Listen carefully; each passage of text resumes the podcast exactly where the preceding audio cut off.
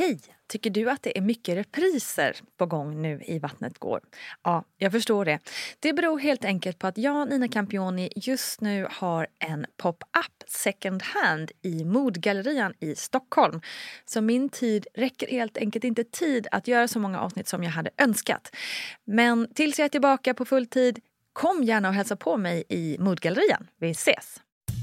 Var inte som att det hängde på garderoben och gick ut och dansade på, på Spybar. Men, men man, att man ändå ville liksom, så här, vara delaktig i sina kompisars liv fortfarande.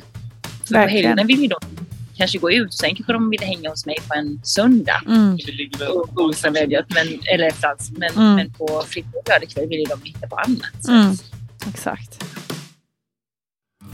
Hallå, hallå, hej och välkomna! Vad roligt att just du har klickat in dig på den här podden som ju heter Vattnet går och är en gravidpodd med mig, Nina Campioni.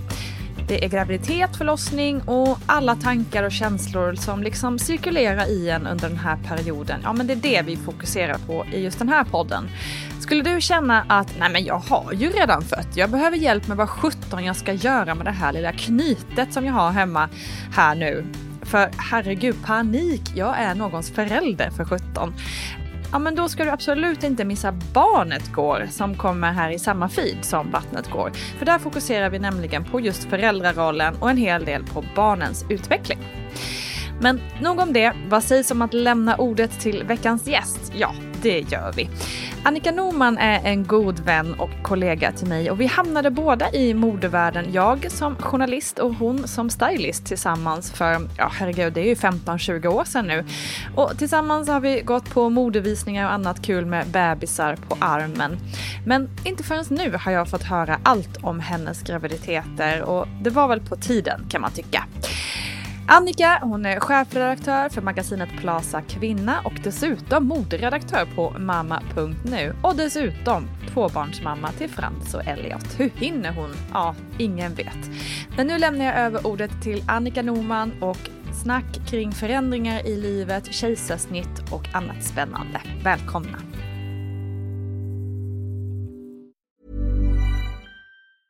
Quality sleep is essential for boosting energy, recovery, and well being. So, take your sleep to the next level with Sleep Number. With a Sleep Number smart bed, you can individualize your comfort level and enjoy a better sleep night after night. JD Power ranks Sleep Number number 1 in customer satisfaction with mattresses purchased in-store. And now the Queen Sleep Number C4 smart bed is only $1,599, a saving of $300 only for a limited time.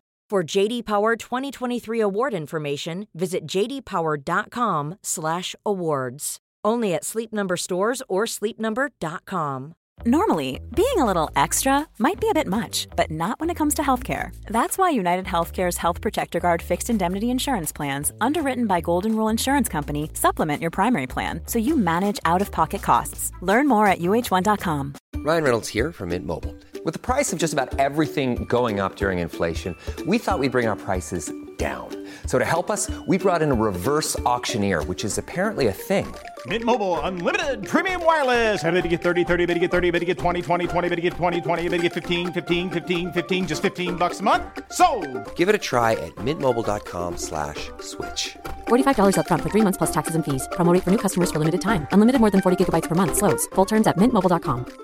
Hi, I'm Dori Shafrir. And I'm Kate Spencer. And we are the hosts of Forever 35. And today, we're talking about Club Med, the best all inclusive getaway for families. Today, Club Med has nearly 70 resorts worldwide, from beachside resorts in the Caribbean and Mexico to magical locations in the Maldives and Morocco to ski resorts in the mountains from Canada to the Alps. Between their all inclusive family programming, wellness offerings, land and water sports, and their French heritage inspired food and drink offerings, Club Med is the best way to elevate your family getaway, no matter which location you're at.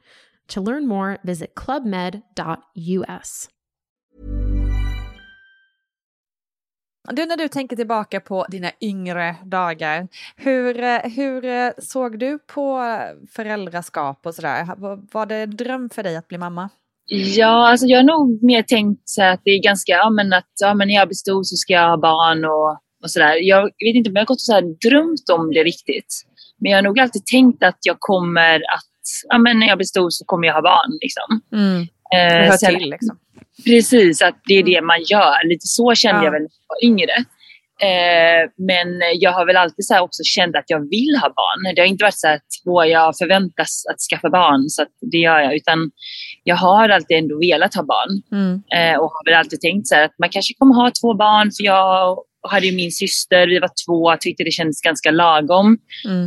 Eh, hade vänner som hade, där det var fyra barn i familjen och kände alltid att det var, verkar vara väldigt kaosigt för de skulle alltid skjutsas hit och dit och det. mycket mat skulle handlas och de klagade alltid att det var så här, att de handlade hela tiden. Och det gjorde aldrig min mamma. Alltså så här, Mm. klagade över det. Så tänkte jag att ah, gud jobbigt med fyra barn. Liksom. Mm. Eh, nej, men så jag har väl alltid kanske tänkt att ja, men jag ska ha barn och två är väl lagom. Typ. Mm. Mm. och när började du känna att det var, att du var redo liksom? För det steget? Jag hann, eh, jag hann nästan inte känna att jag var redo egentligen. Utan eh, det var mer att min eh, pojkvän, han är ju åtta år äldre än mig, Fredrik. Mm. Eh, och vi träffades när jag var 27. Han var väl 35, om det stämmer. Ja, kan stämma. Så att han sa väl ganska så här, inte så första gången vi sågs, för då hade jag nog dragit, men han sa ändå ganska tidigt så här att, ja men hur känner du så här med barn och tror du att du kommer vilja ha barn ganska snart eller? Mm. Jag var så nej, alltså jag vill nog ha barn jag är typ 35. Mm. 34, 35 tänkte jag då. Och han bara, ah, okej. så här. Och sen när man har varit tillsammans lite längre, då börjar han så här, ah, alltså jag, jag känner att jag, jag skulle nog ändå kunna ja, men tänka mig barn. Alltså Mhm. lite så här tidigare ändå. Alltså så här, för att, ja, men jag är ju lite äldre, men ja, alltså så här, jag vet inte, det, du får ju liksom säga, men jag, jag skulle nog kunna tänka mig barn. Alltså lite sådär liksom. Mm. Mm. Jag var så här, jaha, ja, ja, okej, men kände väl ändå inte att jag var jättesugen. Eh, och tänkte att ja, ja, men vi får se liksom. Det är ändå jag som bestämmer. Men, men eh, samtidigt, sen så blev jag gravid. Okej. Eh, och eh, då var jag 29. Mm. Så att då hade vi varit tillsammans i två år ungefär. Mm. Ja, men ja, 28, 29 var jag när jag blev gravid. Mm. Så att, och, eh, och, men, och då var det ju så här att det var ju inte så här, åh, hur ska vi göra nu? Utan det var ju självklart att vi skulle, liksom, okej, nu ska vi få barn. Liksom. Okej. Eh, men jag kände också lite, jag kommer ihåg så jättetydligt när jag tog det här testet. Vi, var, vi höll på att renovera lägenhet. En tvåa högst upp i ett eh, gårdshus utan hiss. Så det var ju liksom ingen så här plan Mm. att vi skulle bilda familj. Och vi bodde temporärt hos hans mamma i hennes lägenhet i Vaxholm för att eh, ja, men det var renoveringskaos och jag hade ingenstans att bo.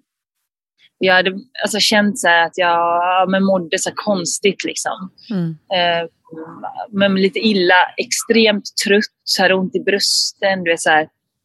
Så att, eh, han var så här, "Ja, men ska vi inte ta testet då? Och du vet, så här, var, var så här, tyckte att det var spännande och jag var så här, Ja. åh gud, ja, ja, men jag ska, du vet, så här, Mm. låt mig njuta av min frihet. För jag kände typ på mig så att Mm. när jag tagit testet då kommer det vara annorlunda. Då Liksom. ska, kommer allt förändras. Ja, Mm. och sen så hade jag läst att man skulle ta det på morgonen för att då var det liksom så störst, eh, men att det visade rätt. Så jag gjorde det eh, innan typ Fredrik vaknade. Eh, och jag gick och tog testet och sen så, eh, ja, så blev det ju direkt. Alltså det var inte så här, Åh, är det ett streck eller två? Eller, du vet, så här, utan det var bara okej, här, nu är jag gravid. Jag var tvungen att läsa, så här, betyder det verkligen det här? Mm. Liksom? Mm. Eh, och sen så gick jag in till Fredrik och sa det bara att ja, jag är gravid. Så här. Och så gav jag honom testet. Så la jag mig så på sängen och bara tittade upp i taket och funderade så här, men gud vad, vad, vad händer nu? Så här, vad ska jag göra? Och så Mm. kollade jag så här, på och han kollade på testet och log. Och jag bara, men Han var glad, så ja. jäkla glad. Ja. Och jag var så här, alltså, det blev inte det här alls att ah, vi ska ha barn, inte så. Mm. Eh, utan det var mer så att jag bara, okej, så nu är jag gravid och vad gör jag nu? Alltså, jag visste liksom inte ens. Eh, googlade så här, vad gör man när man är gravid? Typ? Eller vad ska jag göra när jag, jag är Mm. gravid? Och så. Mm. Och så blev det att jag skulle då ringa till, eh, ja, men, eh, jag ringde till typ mamma Mia på Söder, för det var där jag alltid hade gått och tagit eh, sen jag hade p-spruta och Ja, minipiller och så. Ja. Mm. Och till historien hör att jag gick minipiller. Blev Ja, gravid. okej. Okej. Så att, eh, ja. Så då blev det verkligen, det var, ja. du var verkligen inte beredd ja, på att det skulle kunna hända då? In, nej, jag nej. trodde faktiskt inte. Mm. Plus att jag hade slutat p-sprutan bara ett halvår innan. Och de hade sagt att det kommer ta, kanske ta upp till två år innan du ens kan bli gravid. Mm. Och det var därför jag bara, okej, okay, men då kanske jag ska sluta med den. Ja, så ja, att jag inte om, om, två år bara, ah, jag vill ha barn och sen så går det inte. Så jag trodde att jag hade typ dubbelt skydd. Just det. Det hade, du verkligen inte. Men du, hur kändes det liksom, hela den här liksom situationen som ni hade där? Att Fredrik, då, din, din kille, var väldigt glad och du kände dig kanske lite mer förvirrad eller så. Ja. Eh, hur, hur, hur, alltså hur pratade ni kring det? Var, tyckte han det var jobbigt att, liksom bara, att det bara var han som var glad? Eller tyckte du att det var, eller hur, ja, hur Nej, alltså det? grejen med mig är att jag har alltid haft väldigt lätt att ställa in mig på saker. Alltså, så här, jag har väldigt lätt att... Alltså, så här, jag kan ha så här, en dålig dag, mm. men jag har oftast inte så här, en dålig period, utan jag har väldigt lätt för att... Jag vet inte hur och varför eller någonting, men jag har väldigt lätt för att ställa om och sen ja, men typ, se det positivt. Vara okej okay med det. Ja. Mm. Jag, jag, brukar inte grotta ner mig i någonting som jag tycker är jobbigt. Och det här var ju väl egentligen ingenting jag tyckte var jobbigt. Det var mer så här, oj, och så här, hur ska det gå med jobbet? Och, och det här var ju liksom tio år sedan. Alltså, ingen av mina kompisar hade barn. Mm. Och, och de flesta var inte riktigt, alltså några var väl lite så nära, hade relationer och så. Men jag, jag tänkte så här, okay, ingen annan kommer ha barn. Jag är frilansare, jobbar som stylist på så här, jag jobbar ju på Solo då, mm. eh, tidning och eh, var så här bara, men hur ska jag göra nu med jobbet? Och det var så mycket sådana grejer. Just det, osäkerhet och sådär. Mm. Precis, och, och, så här, men, men ganska så snabbt så landade jag i att men, alltså, allting kommer ju lösa sig. Alltså, så här, det som jag kände var ändå det viktigaste var ju att jag kände att min relation var stabil. Jag var inte mm. orolig för att han skulle vilja vara ute och festa hela tiden eller att han skulle inte ta sitt ansvar, om man ska säga, eller att han inte skulle finnas där. Utan det var mera för mig själv, så här, rent själviska grejer. Typ att, ja ah, men gud, jag tycker det är så skönt att gå ut och hänga med mina kompisar när jag vill. Och, ja, men det var mer mm. sådana tankar. Den där frihetskänslan. Precis. Mm. Så att eh, det var liksom, eh. Vilket ju också känns så himla naturligt för som du var inne på innan, liksom så att när, som, i och med att du drog ut lite på att ta det där testet, att när jag väl har gjort det kommer allting förändras. Eh, ja. Och man tänker också att allting förändras över en natt, eller så här att ja, från och mm. med nu så är det så här. Liksom. Ja. Så, sen så inser man ju att man kan ju att det tar ett tag innan, dels innan man blir förälder och sen också att man kan ju faktiskt bli den förälder man vill vara. Eh, Precis. Så. Ehm, men jag förstår precis Verkligen. dina känslor där. Så himla, ja, det så himla definitivt. Liksom. Till. Exakt. Att eh, man hade ingen, eh, ja, men typ sin egen mamma då, men det var ju mm. ganska så länge sedan hon hade småbarn och jag var ju inte medveten om det, alltså nej. när jag var liten. Eh, och det var en helt annan tid också. Så mm. det, ja, nej, men, så mm. jag bara kände typ att ja, men, det var inte så vanligt att folk hade med sig sina barn på jobbet. Just det. Alltså så här, nu i vår bransch så mm.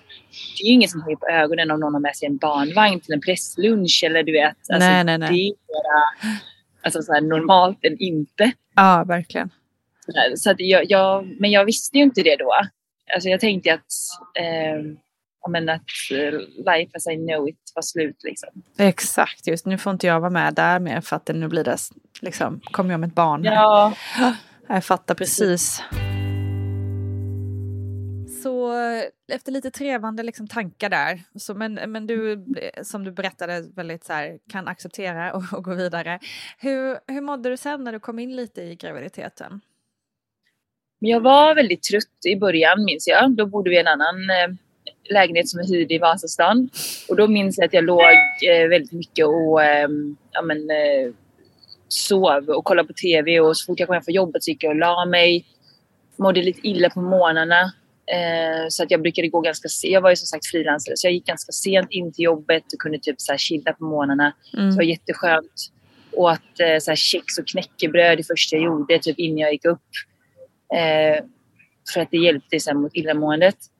Eh, men det var just bara det. Alltså jag mådde mm. lite illa. Mm. Alltså sådär som de flesta kanske gör. Mm.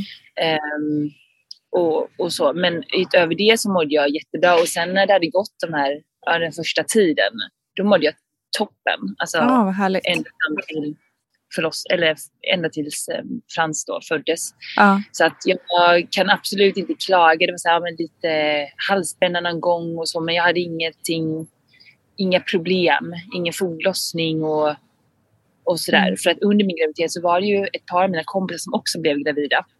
Eh, sådär. Och eh, det kändes som att de hade mera, eftersom man då kunde jämföra, att det var Mm. mera mm. gravidrelaterade problem. Liksom. Mm, mm. Men eh, jag hade lite illamående i början men sen mådde jag faktiskt väldigt, väldigt bra och kände mig pigg och jag jobbade liksom eh, ja, ända fram till, eh, men jag gjorde kejsarsnitt så jag jobbade ända fram till det kan man säga. Mm. Och kunde du känna, liksom, när började du känna om man tänker om man, eh, liksom, om man börjar med starten då, liksom att du, ja, men, du insåg att du var gravid, kände det lite och liksom ambivalens kring det. När kunde Mm. du börja känna att du faktiskt började bli pepp? Eller kände du en växande pepp, eller hur? Ja, jag, jag minns typ inte så här, det var nog inte att det bara stod över från den ena dagen till den andra utan det var väl att man akklimatiserade Mm. Och sen så tyckte jag ju att det var så mysigt och jag kände att ja, men vi kommer ju få ordning i lägenheten så att vi kommer kunna flytta till lägenheten. Eh, alltså så att när man bodde på så olika ställen där i början då man kom ju inte riktigt så här. Det var ju mer att ja, ja, nu är vi här och så här. Mm. Det kändes som att när man väl kom till lägenheten och man började så planera Kom mer. till ett hem liksom. Precis, för Mm. att här ska vi bo och, och så här, då kändes det ju liksom eh, väldigt spännande. Så det Mm. blev så att det växte fram lite successivt känner jag. Eh, men jag kommer inte ihåg så här från den ena dagen till den andra och sen alla runt omkring var ju så himla så glada och bara tyckte att det var eh, jättekul och ja, men det är dina föräldrars första barnbarn och eh, min syster hade inga barn då och ja, men som sagt typ nästan ingen av mina kompisar hade barn. Så att, Mm. Eh, det var liksom så här, man fick väldigt mycket uppmärksamhet Mm. av att man liksom var gravid. Just det. Så att, det speglar ju också, alltså då blev i alla fall jag väldigt så här, ja men det, att det var kul liksom. Mm. Att, ehm, nu när alla så här, ens vänner blir gravida, man får inte den, alltså de får inte samma, Just det. alla har ju barn. Så, Ja. ja, ja. Åh, vad mysigt att vara gravid, men gud, jag minns det där, fy fan vad det var jobbigt. Alltså det blir inte den här, äh, när man var så tidig så alla var så här bara romantiserade liksom hela grejen. Och jag var ju ute, alltså så här, jag, jag var så på nattklubbar så jag kommer ihåg att vi stod och dansade så här, världens mage och så här. Jag tyckte typ att det var inget Mm. konstigt alls. Men nu när jag var gravid med Elliot, alltså så här, då mådde jag bra men jag skulle aldrig gått ut och ställt mig på nattklubb bara för att alltså, jag kände mig så himla Ja, det kanske var för att jag kände mig gammal också, jag vet inte. Men det var väldigt, väldigt roligt att vara gravid första och andra gången tyckte jag. Ja. Jag kan verkligen, gud jag känner igen mig i det du berättar för jag var också ute ganska mycket när jag var gravid första gången. Och dansade Ja. och liksom var på fest och ja. gick på klubb och så. Jag tror till och med jag DJade lite. Man var så här, det var också lite en grej att det var så här, dels var det verkligen så här kul att vara lite så här, Mm. jag är gravid på klubb, wow. Ja. Men sen var det också lite så att jag typ så ville bevisa både för mig själv och andra så här att, att man Ja, kunde ja, ja. liksom. Ja, Eh, 100 jag kände inte riktigt att jag hade det hävdelsebehovet med andra barnet. nej. Då hade man redan bevisat sig. Ja, jag minns att vi var ute på musikaliska någon gång och eh, ja, men jag stod där, jag var så trött. Drack Ramlösa, klockan var kanske tre. Mm. Och jag var så här, bara, gud jag tänker inte gå hem först för då kommer folk tycka att jag är så jävla tråkig. och sen så när min kompis och Emily, vet jag, hon bara, ah, jag tror att jag ska gå hem. Jag bara, ah, ja men då drar jag också. Och så bara, Tack God gode gud. vad hemskt. Att man kände att det var så viktigt på något sätt. Att, ja. eh, att ingen fick tycka att man var tråkig för att man var gravid. Nej, exakt. I början när man har pojkar. man. Ingen tycka att man, trå- ingen får tycka att man är tråkig för att man är kille och ska gå hem. Och, Mm. ja, men, du vet, så här, värst det var att vara en toffel. Det, var ju det, det ville man ju inte vara då. Ja. Eh, ja, jag vet inte. Det, det är så här osäkerhet som jag tror växer bort sen. Men, Jag tror men också det är jag- något man behöver gå igenom bara. så. Eh, Men hur, eh, hur, hur förberedde du dig inför förlossningen? Mm. Men jag, jag har ju alltid sedan jag var liten, även om jag inte drömt om barn, så har jag alltid vetat att om jag ska ha, eller om jag ska få barn så vill jag göra planerat kejsarsnitt. Mm. För jag har ju alltid varit eh, rädd för förlossning. Mm. Så här, och jag vet inte liksom varför jag har varit det, för jag har ju inte varit med om en förlossning. Jag har inte sett en riktig förlossning eller någonting, utan det är bara någonting som jag alltid har känt så här, jag vill verkligen inte föda barn. Mm. Eh, och, och varit så här, ja men känt att det är liksom lite ett hinder för mig att, att bli mamma, Mm. för jag vill inte föda och hur ska man få barn då? Mm. Eh, så jag vet att jag kollade upp det när jag var alltså, ganska, ja, men någon gång i tonåren, så här, bara, vad det fanns för alternativ. Och jag tror att jag läste så här, en, eh, jag tror att jag läste en artikel om eh, Victoria Beckham när hon hade fått sitt barn, sitt, eh, sin första barn då. Att hon hade gjort ett kejsarsnitt, ett planerat kejsarsnitt. Okej, ja. Eh, för att bebisen låg fel eller någonting. Och Just det. det. vet man inte vad med det. Men hon gjorde i alla fall eh, snitt med alla sina barn. Men första då i alla fall. Och då var jag så här, men gud kan man göra ett planerat kejsarsnitt? Mm. För jag har alltid tänkt att det är en så här, ja, akut situation och man måste mot magen liksom. Eh, så jag bara, aha okej det finns liksom ett sätt. Och sen så ja, men hade jag väl lite så här, men koll på det. Att ja, men det var någonting som gick att Mm. göra liksom. Mm. Så att när jag då blev gravid, då tänkte jag direkt så att ja, men nu ska jag göra ett planerat kejsarsnitt. Så att det sa jag när jag skrev in mig hos, eh, på BVC. Då sa jag direkt så att jag, jag har förlossningsskräck och jag vill verkligen göra ett kejsarsnitt. Så att hur går jag tillväga liksom? Mm. Och då var hon eh, så här, ah, ja men det, det kommer ni ta senare liksom. Och du kommer få prata med en läkare om det och det är liksom ingenting som vi bara säger ja till på direkten utan det, det är liksom en process. Och jag bara, ah, ja men det är fine men jag vill bara liksom så här vara Mm. klar med det, att det jag vill. Mm. Så att säg till, alltså så här, säg till när jag behöver, om jag behöver prata med någon och så, här, så att jag inte liksom missar den Just det. eh, missfönstret liksom och att det är för sent sen. Jag visste ju inte hur det gick till. Liksom. Nej. Mm, så att, eh, det handlade ju ganska mycket om att, att få igenom kejsarsnittet. Mm. Hur var den snarare proceduren? Ja. Nej, men det, alltså det gick långt över förväntan. För att när jag pratade med folk om att jag ville ha ett planerat kejsarsnitt, då sa de så här, men gud, alltså det, det, det är omöjligt, det kommer du aldrig få. Mm. Eh, och om du liksom ska prata med en läkare, då, alltså du får bara så här, skrika, gråta, vara helt hysterisk, instabil och liksom så här, som att du typ, ja men, ja, men så här, att de bara okej, den här tjejen måste ha Mm. ett planerat snitt. Det är så Men sjukt. jag kände ju... Ja, och det var flera som sa det till mig och jag Mm, kände jag så helt men jag är inte den personen. Alltså jag är inte... Jag kände mig inte instabil. Jag kände mig inte desperat. Jag kände bara att jag är gravid och jag vill göra ett kejsarsnitt för det finns två sätt att föda barn och ett av de sätten passar inte mig och det är faktiskt Mm. inte konstigt. Eh, så jag kände mig väldigt så här, trygg i det ja, men beslutet om man säga Mm. Mitt val som jag hade då gjort för mig själv. Eh, så att jag, jag kände bara, gud, ska jag gå in och, och, och försöka gråta och skrika? Alltså sen, jag kände mig bara superobekväm Mm. med att behöva göra det. Men sen då när jag fick ha det här mötet med läkaren, alltså det var ju inte ens det var inte ens ett läge att bli ledsen för, för hon var jättetrevlig, Mm. hon lyssnade, hon var så här, eh, ja vi brukar ju inte göra planerat eh, kejsarsnitt eh, och det är ju för att det är en risk för barnet och även för mamman såklart och hon hade så här många olika alltså, så här Argument, punkter liksom. Varför, Mm. argument varför man inte ska göra planerat kejsarsnitt. Mm. Och jag hade ju läst på innan så att jag visste ju absolut att det fanns risker. Eh, men det jag vet utan att ha läst på är att det finns risker med en vaginal förlossning också. Såklart. Eh, så att jag kände liksom att det finns alltid risker. Eh, och det låter ju så här hemskt att säga att ah, men det är stor risk för bebisen att eh, ja, men, eh, man har mycket vatten eller fostervatten i lungorna. Det kan vara svårt för bebisen att eh, ja, men, andas. Eh, man får inte upp bebisen på bröstet ofta utan man måste springa iväg och då kan liksom anknytningen rubbas. Mm. Och du vet, det stod ganska Mm. mycket sådana saker. Mm. Mm. Eh, och det är klart att man inte känner så här, åh toppen, det är ökad risk för allergier, det är ökad risk för det här. Men man kan ju alltid hitta eh, ökade risker om man letar efter ökade risker och, och liksom så här, eh, nischar in sig på det.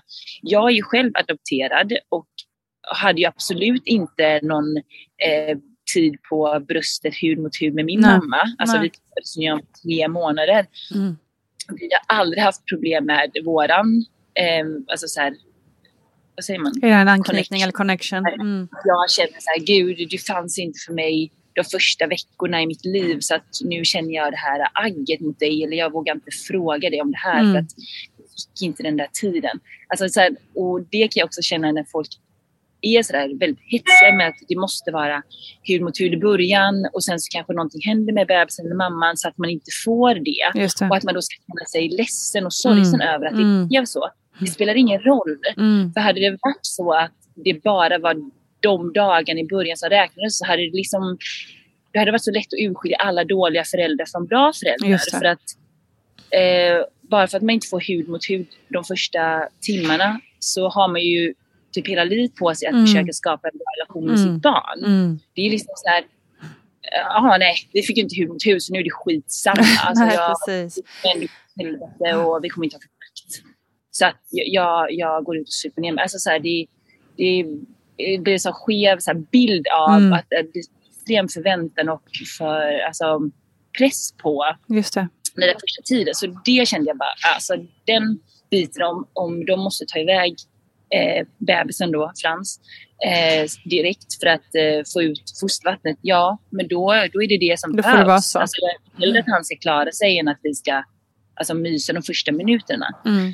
Sen så eh, blev det ju ändå så att han hade absolut fostervatten i, i lungorna när han föddes, som väldigt många barn har, men kanske i synnerhet barn som har fötts med snitt som inte har liksom pressats Mm. ut på samma sätt. Liksom.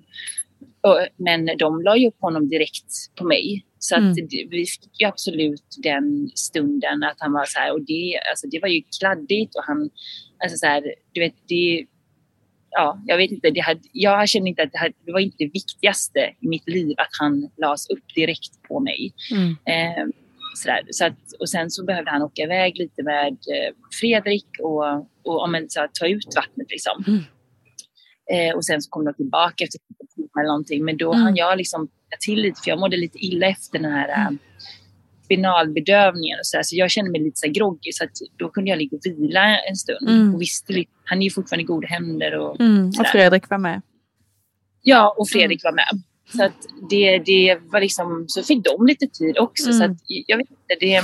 Ja, men väldigt bra att du, att du tar upp det där med hud mot hud, för det är ju verkligen någonting som, eh, och, som vi pratar mycket om och det är ju såklart en jätteviktig sak för em, anknytning och liksom för både, både barn och föräldrar. Liksom. Men precis som du säger, om inte det sker av en eller annan anledning så Mm. betyder ju inte det att, liksom, att det är kört eller, eller Nej. är en dålig förälder. Eller, och det är ju väldigt sorgligt att man ska behöva känna så. Um, så Ja. det är jätteviktigt att ta upp den, eh, den poängen. Och också skulle jag vilja säga, um, apropå det här med att liksom försöka få igenom ett planerat kejsarsnitt. Jag, för jag har också hört det där flera gånger från folk. Ah, men man, måste, man måste in och skrika och gråta och liksom Mm. och ja, det, det kanske är några som har behövt göra det. Eh, eller det Mhm. kanske var så förr. Eller, eller, och så är det också olika vem man pratar med naturligtvis. Om man, liksom, Ja, om man har som du tur att få, lyssna, få någon som verkligen lyssnar på en och, Mm. och tar in. Ehm, men det som jag, vad jag har förstått i alla fall liksom gemensamt, precis också som du säger, att om man vill liksom, vet med sig att det här är det rätta för mig, att man ändå är liksom, försöker vara påläst i alla fall och ha sina argument Ja. tydligt och klart för sig. För att ehm, jag tror att om man är, går in i en sån diskussion och liksom är lite tveksam, då, då tror jag att det kan bli lätt att man liksom ehm, ja, kanske inte håller kvar vid, vid det man vill då, men då kanske man inte heller har bestämt sig eh, 100 procent heller. Men om man är som Nej. du tänker, liksom, man vet med sig, det här är det enda rätta för mig, för mig liksom. Ja. Så ha, ha argumenten redo och, och stå på sig liksom. Precis, jag tror att det är jätteviktigt alltså, så här, att vara påläst. Men jag Mm. tror att de flesta som vill ha, verkligen vill ha ett planerat kejsarsnitt är pålästa. Jag tror Ja. inte att de så här, går dit och säger ja ah, men jag tänkte kanske det här med planerat kejsarsnitt. Jag har hört, eh, ja. Alltså jag tror liksom fest. att man eh, sätter sig in det. Mm. sätter sig in i det. Men när vi var också där på, ja, på Danderyds sjukhus var det då, BB Stockholm, så um, pratade med den här kvinnan så hade jag ju sett en in, in, så här, instruktions eller informationsfilm heter det, om eh, planerat snitt.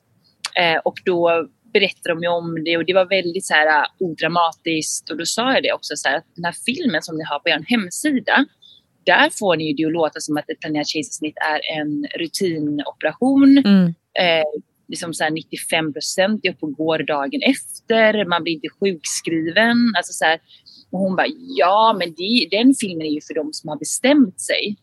Och då kände jag så här, Okej. okay, så vad är skit? Alltså så här, Ja, jag förstår vad intressant. hon menar, liksom, att när man har fått ett beviljat sig eller Ja, då vill, de, då vill de ha lugn, lugnande film liksom.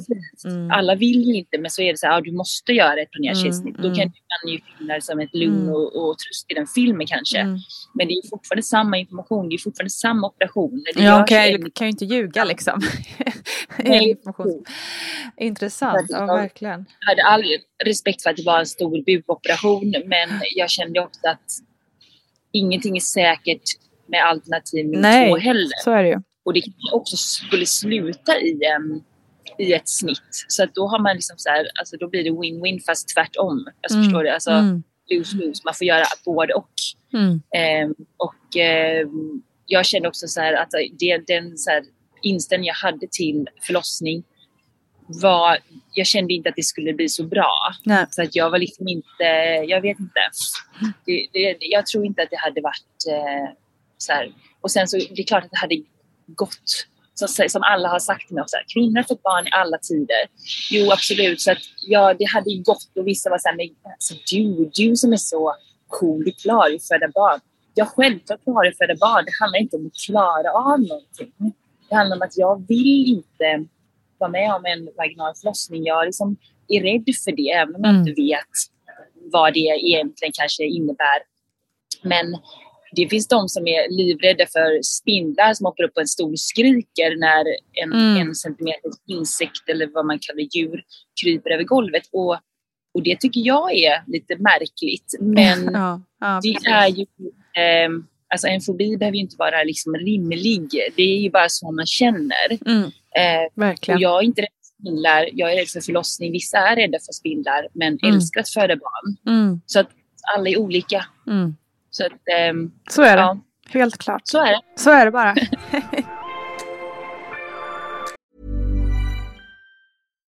Here's a cool fact a crocodile can't stick out its tongue.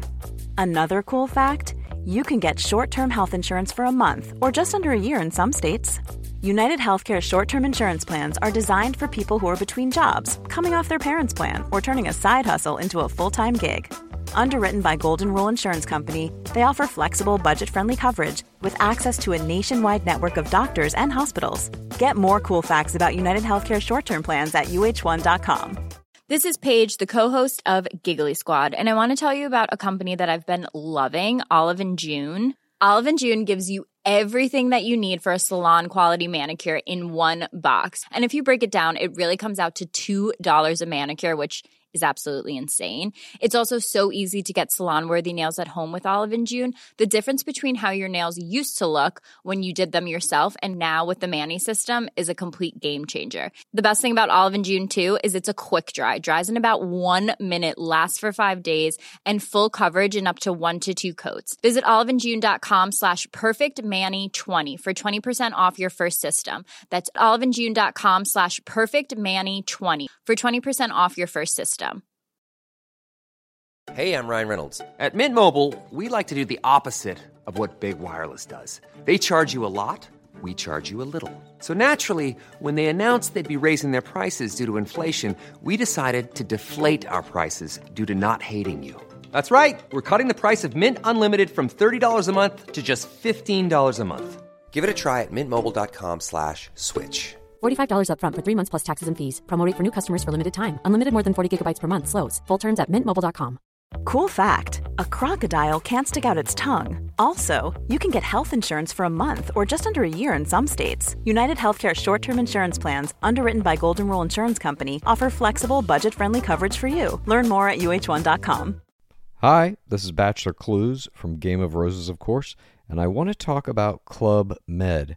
Everybody knows Club Med has been the pioneer of the all inclusive resort since 1950, with almost 70 resorts worldwide, ranging from beachside destinations in the Caribbean and Mexico to exotic locations like the Maldives and Morocco, or even the mountain destinations like Japan and the European Alps. Dine on delicious gourmet cuisine, enjoy more than 20 activities, and make memories with your family. For more information, visit clubmed.us or call 1 800 Club Med or your travel advisor.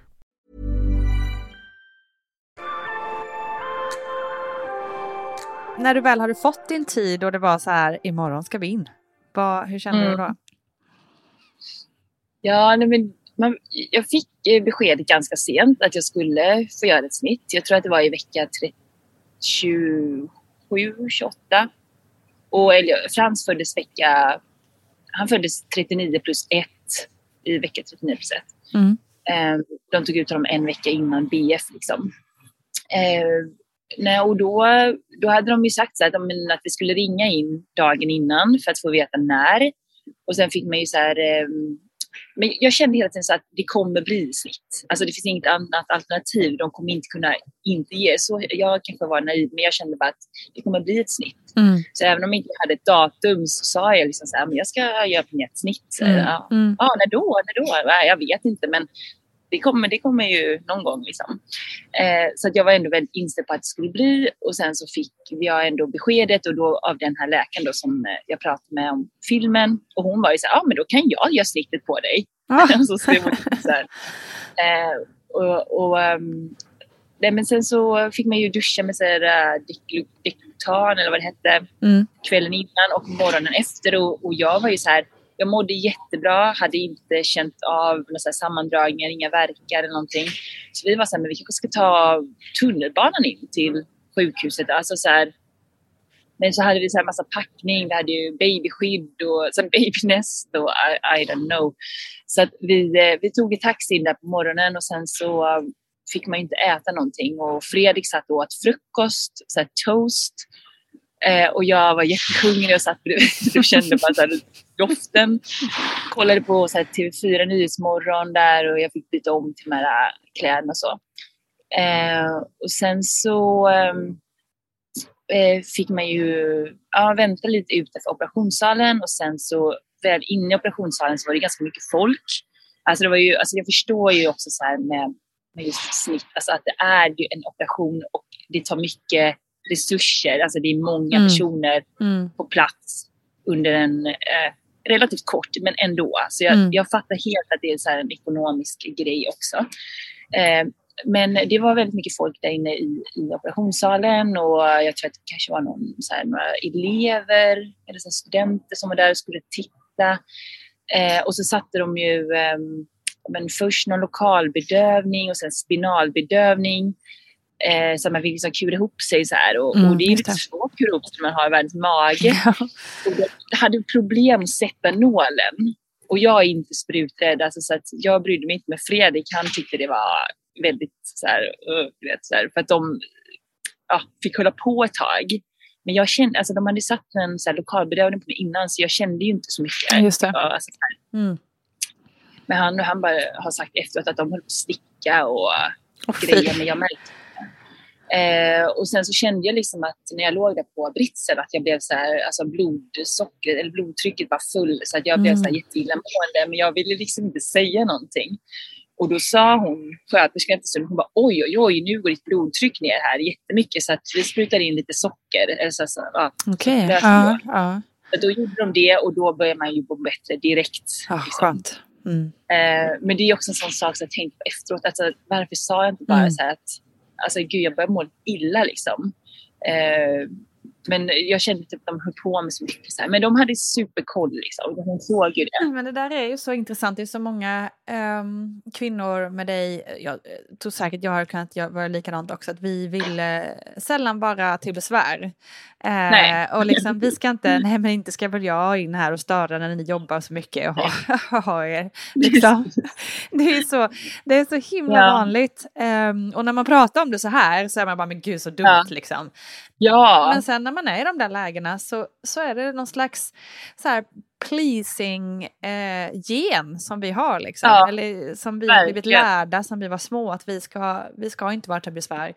Eh, ja. det tycker jag ganska ofta tycker jag. Alltså i olika Ja, sammanhang. Men, ja. men här var det ändå så här då man kanske borde bara, ja men alltså jag mår lite illa så att Mm, Alltså, eller bara sagt det. Jag vet inte vad de, jag trodde att de skulle göra åt det, men nu kunde de ju lösa det på typ tre Mm. sekunder. Mm. Eh, och de var jättegulliga. De var så här, men så här vi är här och vi kommer, vi kommer berätta. Så, här, och så satte de ju upp det här skinket liksom över, ja, men i brösthöjd typ, så här, eller lite över. Så att man ser ju liksom inte magen. Eh, och sen så sa de att det kommer liksom så här, kännas som att det är ganska våldsamt när vi tar ut bebisen. Alltså så här, när vi tar ut barnet så kommer det det kommer prassla i det här skinket, så här, men det är liksom helt naturligt så du behöver inte vara orolig. Liksom.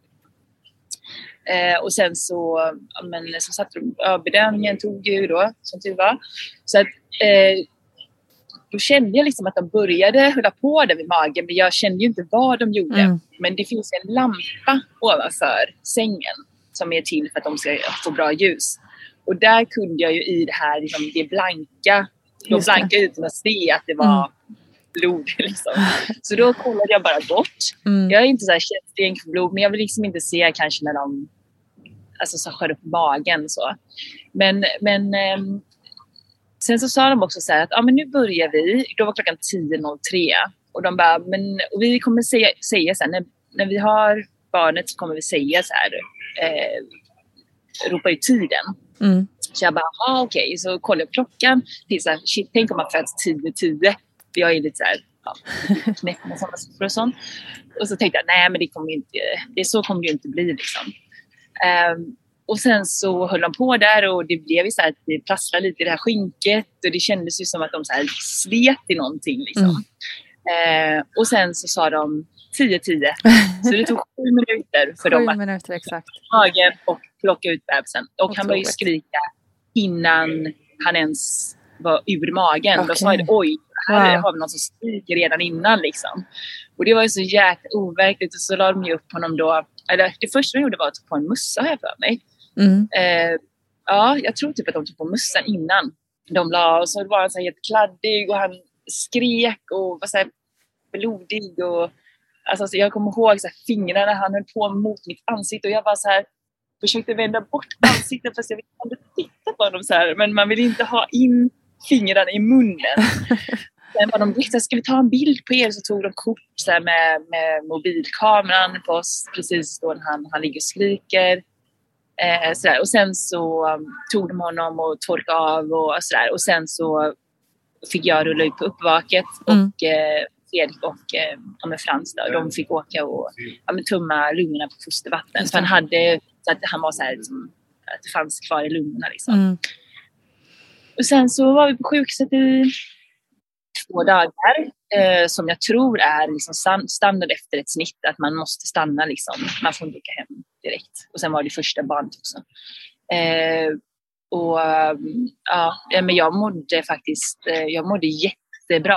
Alltså, jag fick ju bedövning såklart, så Mm. hade jag inte fått det hade jag nog inte mått toppen. Men, men eh, det var ju alltid så här, så fort man började känna så här, att det började kännas i magen, då var det så här, ah, nu är det dags för bedövning eller fylla på. Så här, så att, um, och, och jag gick ju upp och, och gick samma dag, där på kvällen. Han föddes ju som sagt 10.10. Så att på kvällen kunde jag gå lite med den här rullvagnen som han låg i. Man skulle hämta något så här glas juice eller någonting. Ehm, och sen så, ja men de var ju direkt så här bara, Åh, ja men amma och så här, och jag hade ju inte sagt någonting. Och det har jag också tänkt på efteråt, så här, att jag, jag hade tänkt att jag skulle amma. Mm. Och jag visste inte ens att, det, att många hade problem med det. För jag var så här, jag hade inte läst på om amningar utan jag tänkte bara att ja, ja, och sen ammar man barnet. Jag, nu när man har varit med om så många andra som har fått barn Mm. Och har hört allmänt sen man blir äldre så, här, så att det är så många som för det första kanske inte vill men sen också många som inte kan. Alltså Mm. så att det är ett problem. Mm. Så att jag, det visste inte jag då som sagt för det var ingen som hade pratat med mig om det och min mamma har ju aldrig ammat mig eftersom att jag är adopterad. Så att eh, det har ju liksom inte varit en naturligt samtalsämne för mig med någon någonsin egentligen. Eh, jag hade väl bara tänkt så att ja, men jag kunde amma och de direkt så här, la honom vid mig så att han skulle börja och det gjorde han ju direkt. Mm. Och jag var så här, gud vad sjukt alltså så här, att han bara föddes för typ bara en minut sedan. Mm. Redan ska han börja käka Mm. liksom från mig och jag var så har jag ens någon mjölk i brösten? Och, ja, men det finns det. Alltså jag, ja, jag vet, jag hade jättedålig koll. Men sen funkade det amningen Ja, vad skönt. Gud vad skönt. Alltså, det, gjorde, alltså, så här, jag, Mm. det var ju så här, jag hade ju sår och alltså, bröstet såg ut som, alltså, jag vet inte vad. Jag har alltid haft väldigt, väldigt små bröst. När jag kom hem på sjukhuset så såg jag ut som, alltså jag hade precis opererat om någon så här katt, helt sprängfyllda, blank. Alltså, vet, jag har någon bild, alltså du vet det är så... äh, Det är så gud. absurt. obekvämt. Ja, det var så obekvämt på alla sätt. Jag, jag, jag har alltid gillat så också att jag har små bröst. Jag Mm. tycker det är ganska skönt. Mm. Jag har inte tänkt bh, vilka kläder och sådär. Och sen så fick man de här och så dessutom var de umma och Mm. jag fick så sår på bröstvårtorna som man eh, ofta får. Och jag bara sa det till Fredrik, alltså, också så här, gud om det ska vara så här, för då hade jag också hört så här att det är bra om man ammar ett halvår och jag vet inte vem som har sagt det, men det hade jag hört. Så jag var så här Mm. till Fredrik, alltså jag kommer klara det här i ett halvår, men sen tänker jag lägga av direkt. Och då hade jag liksom så här sår. Och då trodde jag att det var så som Ja, alltid skulle hela tiden. att det Ja. det. Och här, tänkte så här, men varför pratar inte folk om det här? Att, så här, att man hela tiden ammar har man sår på bröstvårtorna. Men, men eh, sen försvann ju det som tur var efter. Det var ju typ två veckor som det Mm. gjorde ont. Mm. Liksom, som det Mm. var, man kände att det var obekvämt. Men sen efter det då, då kändes det ju inget, alltså då var det ju ingenting. Liksom. Men i början så... så Nej, precis. Det, var, det är en chock liksom. Eh, Jag minns också Ja. det. Jag var he- alltså, också så sjukt chockad. Jag bara, vad fan, hur, hur kan det göra så här ont? Hur, alltså, vad, Ja. Varför gör folk det här? Vad- Liksom, hallå? Ja. Eh, och sen precis som du säger, ungefär två veckor så bara, okej, all right, nu är det ju piece of cake. Ja. Liksom. Precis, Eh,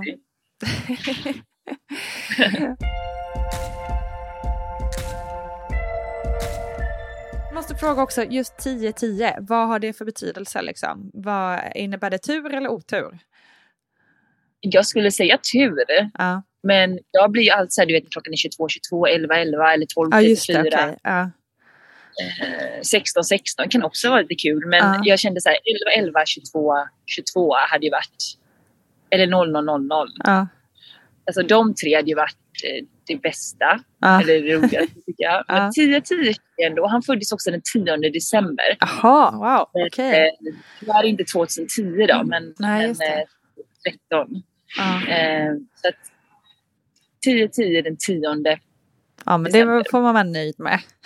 Ja, så vi kan säga att han är min tia liksom. Eh, och Elliot, alltså jag kommer inte ens ihåg vilket, eh, vilken tidpunkt han föddes. Men det är den eh, 12 juni i alla fall. Det kommer du ihåg? Ja. Ja. Vad ska vi säga med det för dag? Du, eh, vad, ehm, när började ni snacka om att det var redo för en, en Elliot då? Ja, men då var Frans... Eh, Elliot föddes när Frans var fem och ett halvt. Mm.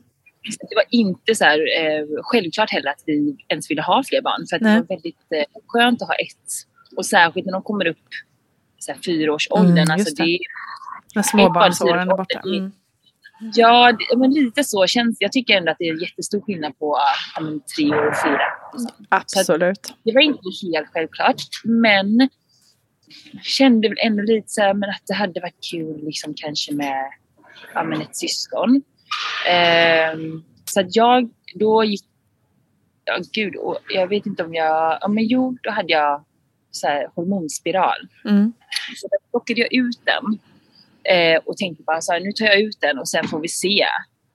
Men eh, jag tror att det var nästan ett år efter att jag tog ut hormonspiralen som jag blev gravid. Okej. Men då gjorde vi, vi försökte inte aktivt. Nej, alltså så. okej. Det var bara så att händer det så händer det. Mm. Men det hann aldrig bli så här att varför Just det. händer inget. Nej. Eh, utan, och det var ganska så här, skönt och, och alltså så här, jag njöt verkligen av tiden då det var vi tre också. Mm. Eh, och när Frans var liksom lite äldre och, och sådär. Men sen så började jag typ känna, det var ganska exakt eh, fyra år sedan måste det ha varit, som jag kände så här, ja, men, samma symptom som jag hade haft med Frans. Alltså så här, Mm. lite lätt illamående, trött. Så då tog jag ett test ja, men typ runt halloween där. Eh, och blev också så här direkt, ja, inget. Och Fredrik var så här, ska du inte ta testet? Jag bara, ja, jag ska. Så jag tänkte så här, imorgon. Vi skulle hem till några kompisar på kvällen och äta middag. Jag var så här, jag kanske ska ta det imorgon istället. Jag fick bara, nej gud, du måste ta det nu. Så, här. Så jag bara, ja, ja. Så tog jag det.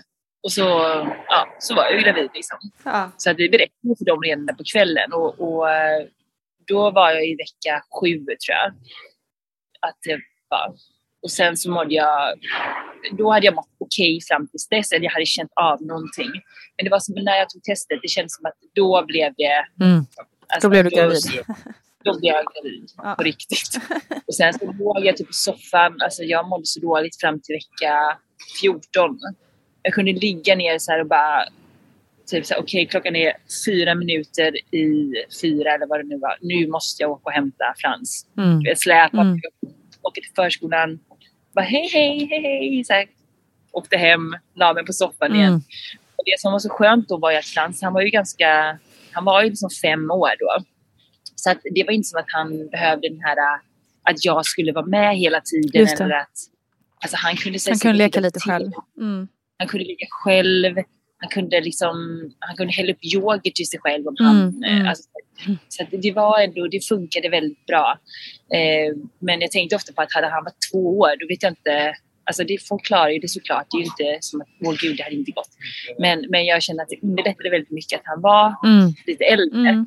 Eh, just eftersom jag mådde så himla dåligt. Och, då, eh, och jag mådde ju inte alls så med Frans. Så att kände ju så här också att gud, det måste ju vara en tjej nu. För att graviditeten ja, är så himla. Eh, men det var det ju inte. Nej. Men eh, det var bara två helt olika graviditeter. Eh, men sen så mådde jag bättre. Men jag kände också på slutet att jag, blev, att jag var tröttare på slutet än jag var med Frans. Mm. Eh, fast jag jobbade ändå. Alltså, jag jobbade länge men, men eh, jag bara kände liksom att kroppen var mer sliten eh, på slutet än vad den var med första gången. Mm. Då det kändes som jag hade typ all energi i världen. Kunde varit gravid i ja, men fyra veckor till. Ja, det hade- precis. Eh, nu kände jag ändå så att ja, nu är jag ganska klar med det här ändå. Och då gjorde jag också snittet en vecka innan eh, BF. Mm. Och det var samma där, det var liksom inga tveksamheter kring, eh, kring förlossningen, att det skulle vara snitt Nej, eller det var inte jag- nyfiken på vaginal eller någonting. Nej, Nej. Jag, jag har alltså kanske kommit över lite så här det här äh, att man tycker att det är så himla att man inte vet någonting. För man, nu visste man ju väldigt mycket på gott och ont. Då. Men Mm. eftersom att många av mina kompisar hade ju hunnit få ett och vissa hade hunnit få två barn. Mm. Så att ehm, ehm, jag var ju mer så här att det var naturligt att, äh, prata om förlossningar och amning. Alltså hela Mm, den mm, grejen som jag mm. absolut inte hade pratat med någon om innan. Eh, nu var man ju mycket mer så här... äh, och det kändes också som att hela klimatet hade förändrats, att man pratade mer. Mm. Att på sociala medier var det fler som så här, eh, delade sina alltså, ofiltrerade ja, men både videos och eh, berättelser. Liksom. Så att man hade snappat upp väldigt mycket. Och, så, här, så att, på ett sätt så kanske det var lite mer avdramatiserat. Men jag var ju fortfarande så här, alltså jag, jag vill inte Mm. föda, föda Mm. vaginalt. Så att, ehm, och det, det ah, nu minns jag inte, men det, det var ännu enklare att få snittet andra gången. Då var jag liksom bara så här, ja ah, men jag kommer att göra snitt igen. Och då sa hon så ja ah, men bara så tänk på det att om du vill ha fler barn sen så kommer det vara, alltså man kan inte göra hur många snitt som helst. Just det. liksom. Nej. Jag var så nej men det här är mitt sista. Men jag känner också att om det skulle bli tre så vet jag i alla fall att man borde kunna göra ett till om det inte blir komplikationer. Ja, just det. Ehm, så att, ehm, ja, nej men eh, jag fick veta dock nu andra gången väldigt sent att jag skulle få ett snitt. Jag tror att jag fick, vet, fick det beviljat typ vecka 32 eller någonting Mm. sånt. Så att eh, då blev det så här äh, bestämt och ja, men att, eh, att jag skulle få det på Danderyds sjukhus. Jag var på BB Stockholm första gången. Mm. Eh, så att, ehm, ja, men jag fick reda, fick beslutet senare. Men eh, det kändes ändå som att det var så enklare, eller man ska säga. Ja, andra gången. För De såg i min journal att jag hade gjort ett snitt tidigare och sådär. Mm. Och att det hade gått bra och utan Mm. komplikationer och sådär. Så att, ehm, ja. Mm. Skönt. Och hur, eh, i och med att Fransen då var liksom så stor, var, han, liksom, så jag gissar att han ändå förstod lite det här med, att, eh, mer än vad ett litet barn kan, kan att det ska komma ett syskon och så. Vad, vad var hans tankar? Men han pratade, han var väldigt så här, äh, tyckte att det skulle bli jättespännande. Eh, ja, men vill ofta så här, om man såg något så gulligt djur, gosedjur eller någonting så vill han köpa det till bebisen. Och, ja, men han var väldigt så här, äh, alltså han har alltid varit väldigt, så här, ja, men väldigt snäll och lugn och äh, mm. ja, men han, han gillar ju barn överlag. Liksom. Om man träffar andra bebisar så tycker han att alltså, då, då vill han inte byta ut dem mot Elliot. Men så han, han var ändå så med och förstod mycket eh, och vi sa liksom så att, ja, men att det kommer komma en bebis och de, han kommer skrika mycket och ja, men, ta mycket uppmärksamhet. Mm. Eh, och sådär. Men det kändes också som att när Elliot kom, alltså så här, det blev inte den här direkta alltså svartsjukan. För att Frans förstod att det här är en liten bebis som, och vi måste ta hand om honom. Mm. Alltså han vill själv gärna hjälpa till och mm. ta hand och trösta och, och fixa och du vet, hjälpa till att hämta blöja och sådär. Så att det var inte som att han var så här, åh dumma bebisen eller försökte så här, nypas eller du vet, mm, lite som mm. Elliot noterat skulle kunna göra nu om vi hade fått en bebis. För Elliot är tre. Eh, utan ja, men Frans var ju som sagt fem och ett halvt så han, det, han har, har, absolut sagt en gång så att men jag också ha så mycket gos som Elliot mm. får. Liksom. Mm. Alltså att han får så mycket så kramar och sånt. Mm. Men han kan också, vi kan ju också skoja och säga så här om Elliot när han har varit så här stökig och bråkig och bara åh gud vad han är stökig och så kan man typ titta på Frans så himla med ögonen och Frans bara jaha gud verkligen. Alltså så att man, mm. alltså han, man, man, kan få det också så att Frans känner kanske att, ja men att vi inte bara tycker att Elliot är det sötaste Nej, barnet. Han är liten utan han är också den jobbigaste ungen. För det är han. Han har aldrig varit så, han har aldrig varit så jobbig. Som, eller sina värsta, värsta dagar är, ja, men det är väl som Elliot när han är lite sur. Liksom. att, um, det tycker jag vi har säga till Frans att, ja, att han var väldigt så här, inte så här busig, för han kan ju bara säga så här, gud, gjorde jag så här när jag var liten? Bara, Just det. Nej, det gjorde jag faktiskt Nej. inte. Men då får han känna sig lite speciell i det liksom. Ja, och stor, alltså lite så här stor liksom. Och, ja. men så att, ja, men att vad, vad tur att Elliot har dig som storebror som är så snäll liksom. Mm. Eh, och Frans bara, ja, ja, typ, tycker att han har mer tur än vad han förtjänar. Liksom. ja, men, och det tänkte jag inte ens var en grej, men det är väldigt mysigt att se liksom, alltså, Frans med ett småsyskon och mm. Elliot med ett stora syskon. Mm. Det är väldigt så här, mysigt och jag trodde inte att jag brydde mig så mycket om det utan jag tänkte mer på mig själv, så här, skönt med ett barn. Just det. Men så här, nu känner jag att det, det var faktiskt mysigt och det hade varit mysigt såklart ändå om vi inte hade fått Elliot. Men eh, jag kan verkligen så här, ändå uppskatta så här, ja, att de har varandra. Mm. Fint. Det, Ja. Du, den här andra då förlossningen, eh, gick det lika smidigt och sju minuter som första? Mm, det gick väldigt snabbt. Eh, vi fick vänta ganska mycket längre. Jag hade typ snittet inbokat runt 12 och sen blev det framskjutet. Jag tror, ja, som sagt, jag vet inte exakt, men jag tror runt ett eller två någonting. Mm. Det var lite mer så här. Eh, ja, utdraget just med hela den biten. Eh, och ehm, sen så tror jag att själva snittet tog ungefär lika lång tid. Mm. Eh, och var lika så här, lugnt och odramatiskt. Och, och det första jag tänkte när Elliot lades upp på mitt bröst, för de la upp honom också direkt, det var att han var så otroligt stor. Han vägde 4,2 mm. eh, och Frans vägde 3,5. Så det var ganska stor skillnad. Jag var så gud vad är det här för stor bebis? Han verkar nyfödd liksom. Eh, och, och sådär. Men sen rehabiliteringen efter, eh, som hade gått så himla smidigt med Frans och verkligen så här, ja, ganska smärtfritt också. Eh, jag tyckte att det var värre efter Elliot. Okay. Eh, det var så här, ja men, det var lite svårare att typ, alltså, så här, ta sig upp mm. och så här, jag gick inte, jag gick nog inte så mycket första dagen. Jag alltså, typ till toaletten. Så mm. Men det var inte bara, jag går ut och hämtar ett glas juice. Utan jag gick när jag liksom behövde gå. Eh, och sen så, Um, ja, men så, ja, nej, men jag, jag kände mycket mer av det. Även om det var så här, alltså det är på en, det är en hanterbar nivå, men jag Mm. märkte att det var, var svårare att röra sig. Liksom. Ehm, Tror du att det hade med att göra att du hade blivit äldre och lite som du var inne på angående graviditeten, liksom att, att man kände sig lite mer sliten i kroppen? Eller, Ja. eller var det några andra saker som, som Nej, men det var Jag var ju liksom 35 andra gången. Det är väl inte jättegammalt i och för sig. Men eh, det är inte heller 29 liksom. Mm. Så att det kan absolut ha varit. Att, och också tror jag att jag var mycket mer vältränad. Mm. Eh, i bättre fysisk form när jag fick eh, Elliot. Eller. Frans. Än eh, vad jag var när jag fick Elliot.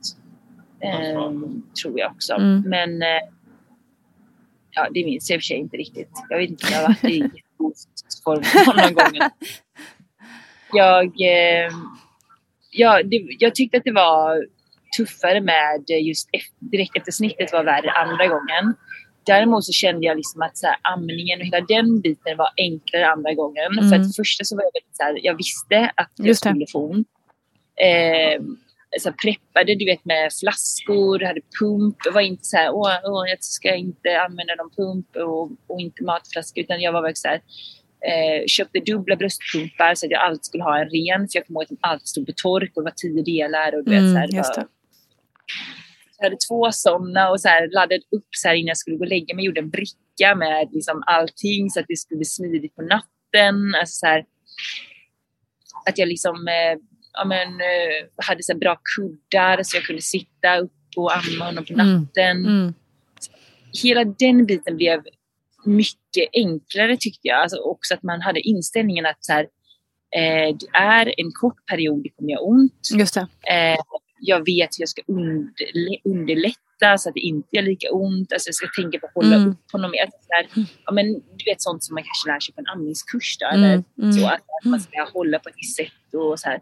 Men, men båda Elliot och Frans har varit eh, bra på att äta. Eh, så, här, så att de har... Eh, det, det har liksom eh, funkat väldigt bra med alltså, så här, tillströmningen. Just det.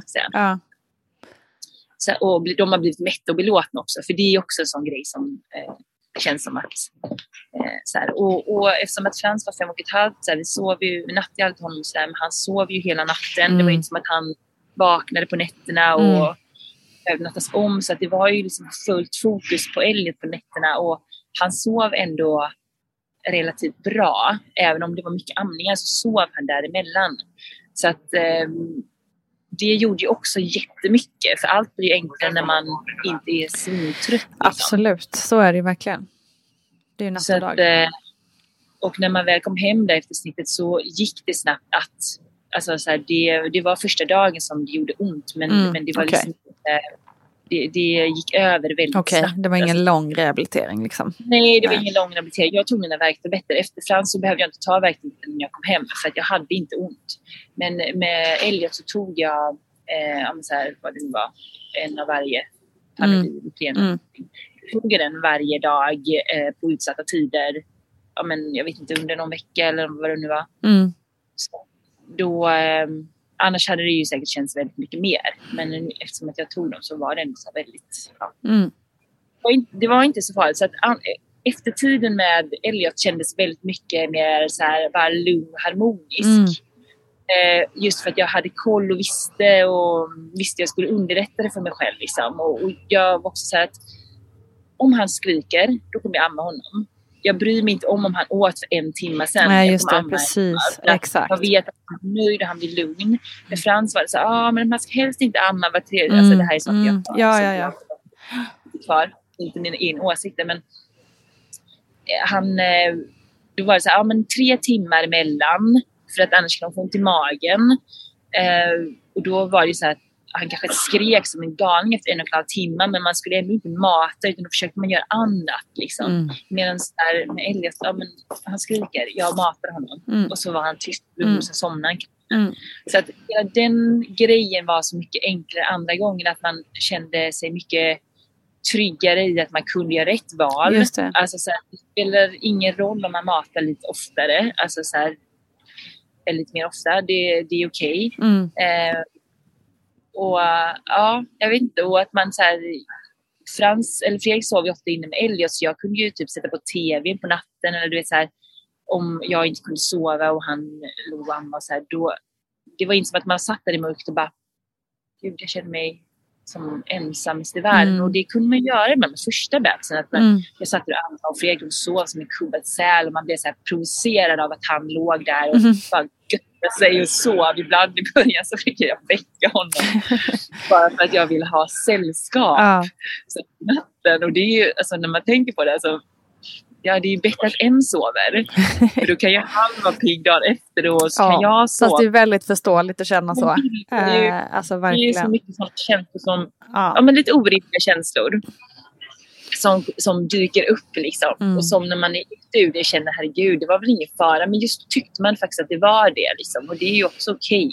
Gud jag ja. kommer ihåg att jag sparkade lite på honom så här, när han sov. Och bara, kolla nu, kolla nu. Och så här. Ja, men det är ju också liksom med första barnet är man ju också så mycket mer utsatt och helt ny på allting och då blir det också att man följer Ja. gärna ja, men saker som står i en handbok liksom så här till punkt och pricka. Medan kanske Ja. andra och tredje och så här, då har man liksom hittat sin egen rytm och sin, man kan lyssna mer på sin egen intuition och sådär på ett helt annat sätt. Verkligen. Man har liksom som du säger en trygghet i att jag kan det här, jag har gjort det innan liksom. Ja, men precis.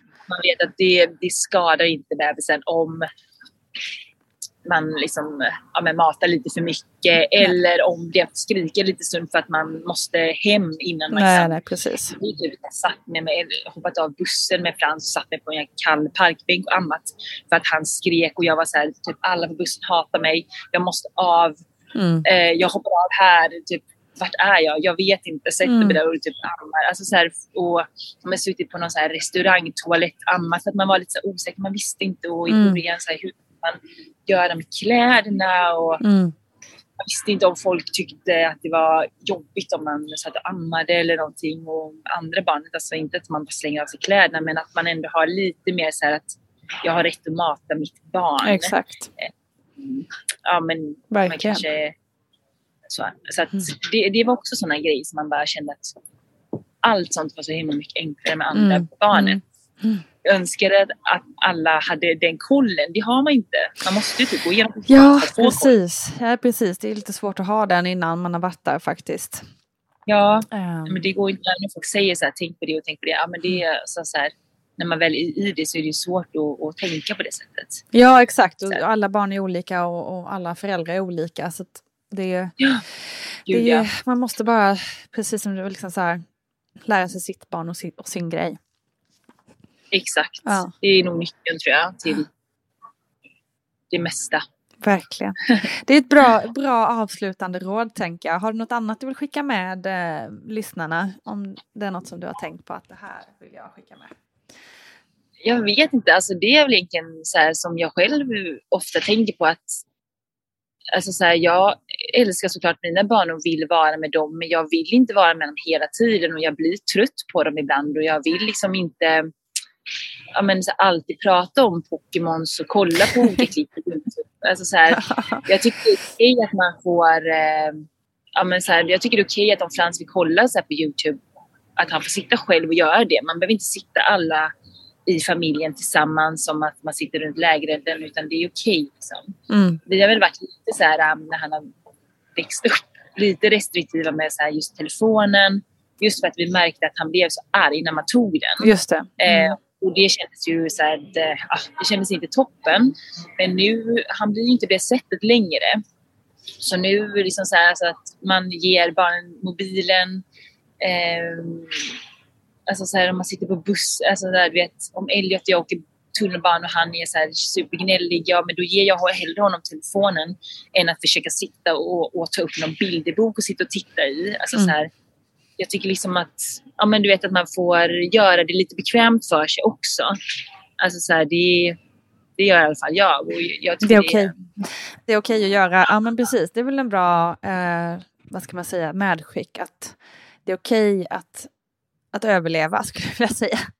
Alltså, Ja, eller hur? För det är ju lite det det handlar om ibland, att man så här, liksom, Ja. man gör sitt yttersta för att liksom, och så får man själv lida 10 000 resor liksom. Ja, men precis. Mm. men vissa dagar känner man sig som en superförälder och vissa dagar gör man inte det. Men Mm.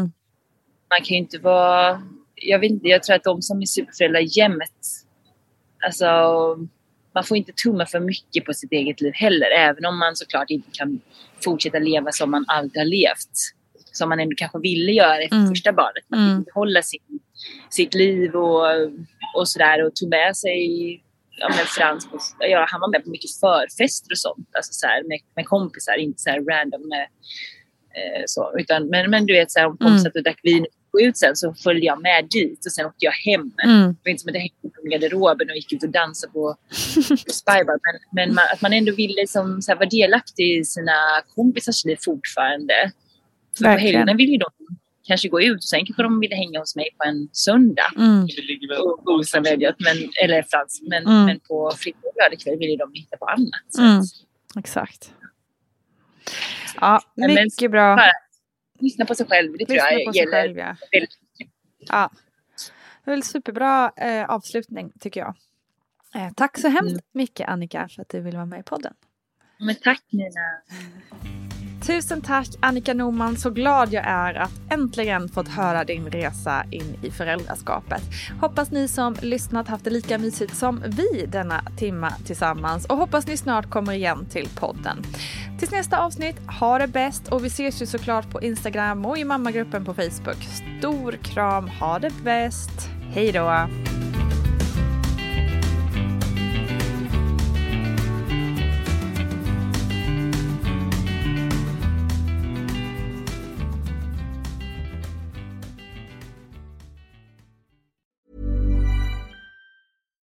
Hi, this is Bachelor Clues from Game of Roses, of course, and I want to talk about Club Med.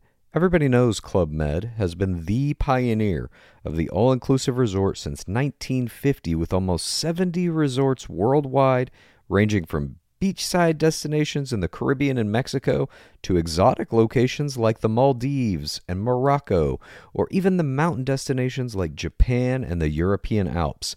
Dine on delicious gourmet cuisine, enjoy more than 20 activities, and make memories with your family. For more information, visit clubmed.us or call 1 800 Club Med or your travel advisor. Some places take you away, some bring you together. Marathon does both. Marathon is Florida's family key with something for everyone. You'll find museums and wildlife refuges, wide open beaches, miles of warm, clear water, and the historic Seven Mile Bridge. For more about Marathon and the latest safety protocols, visit flakeys.com slash marathon.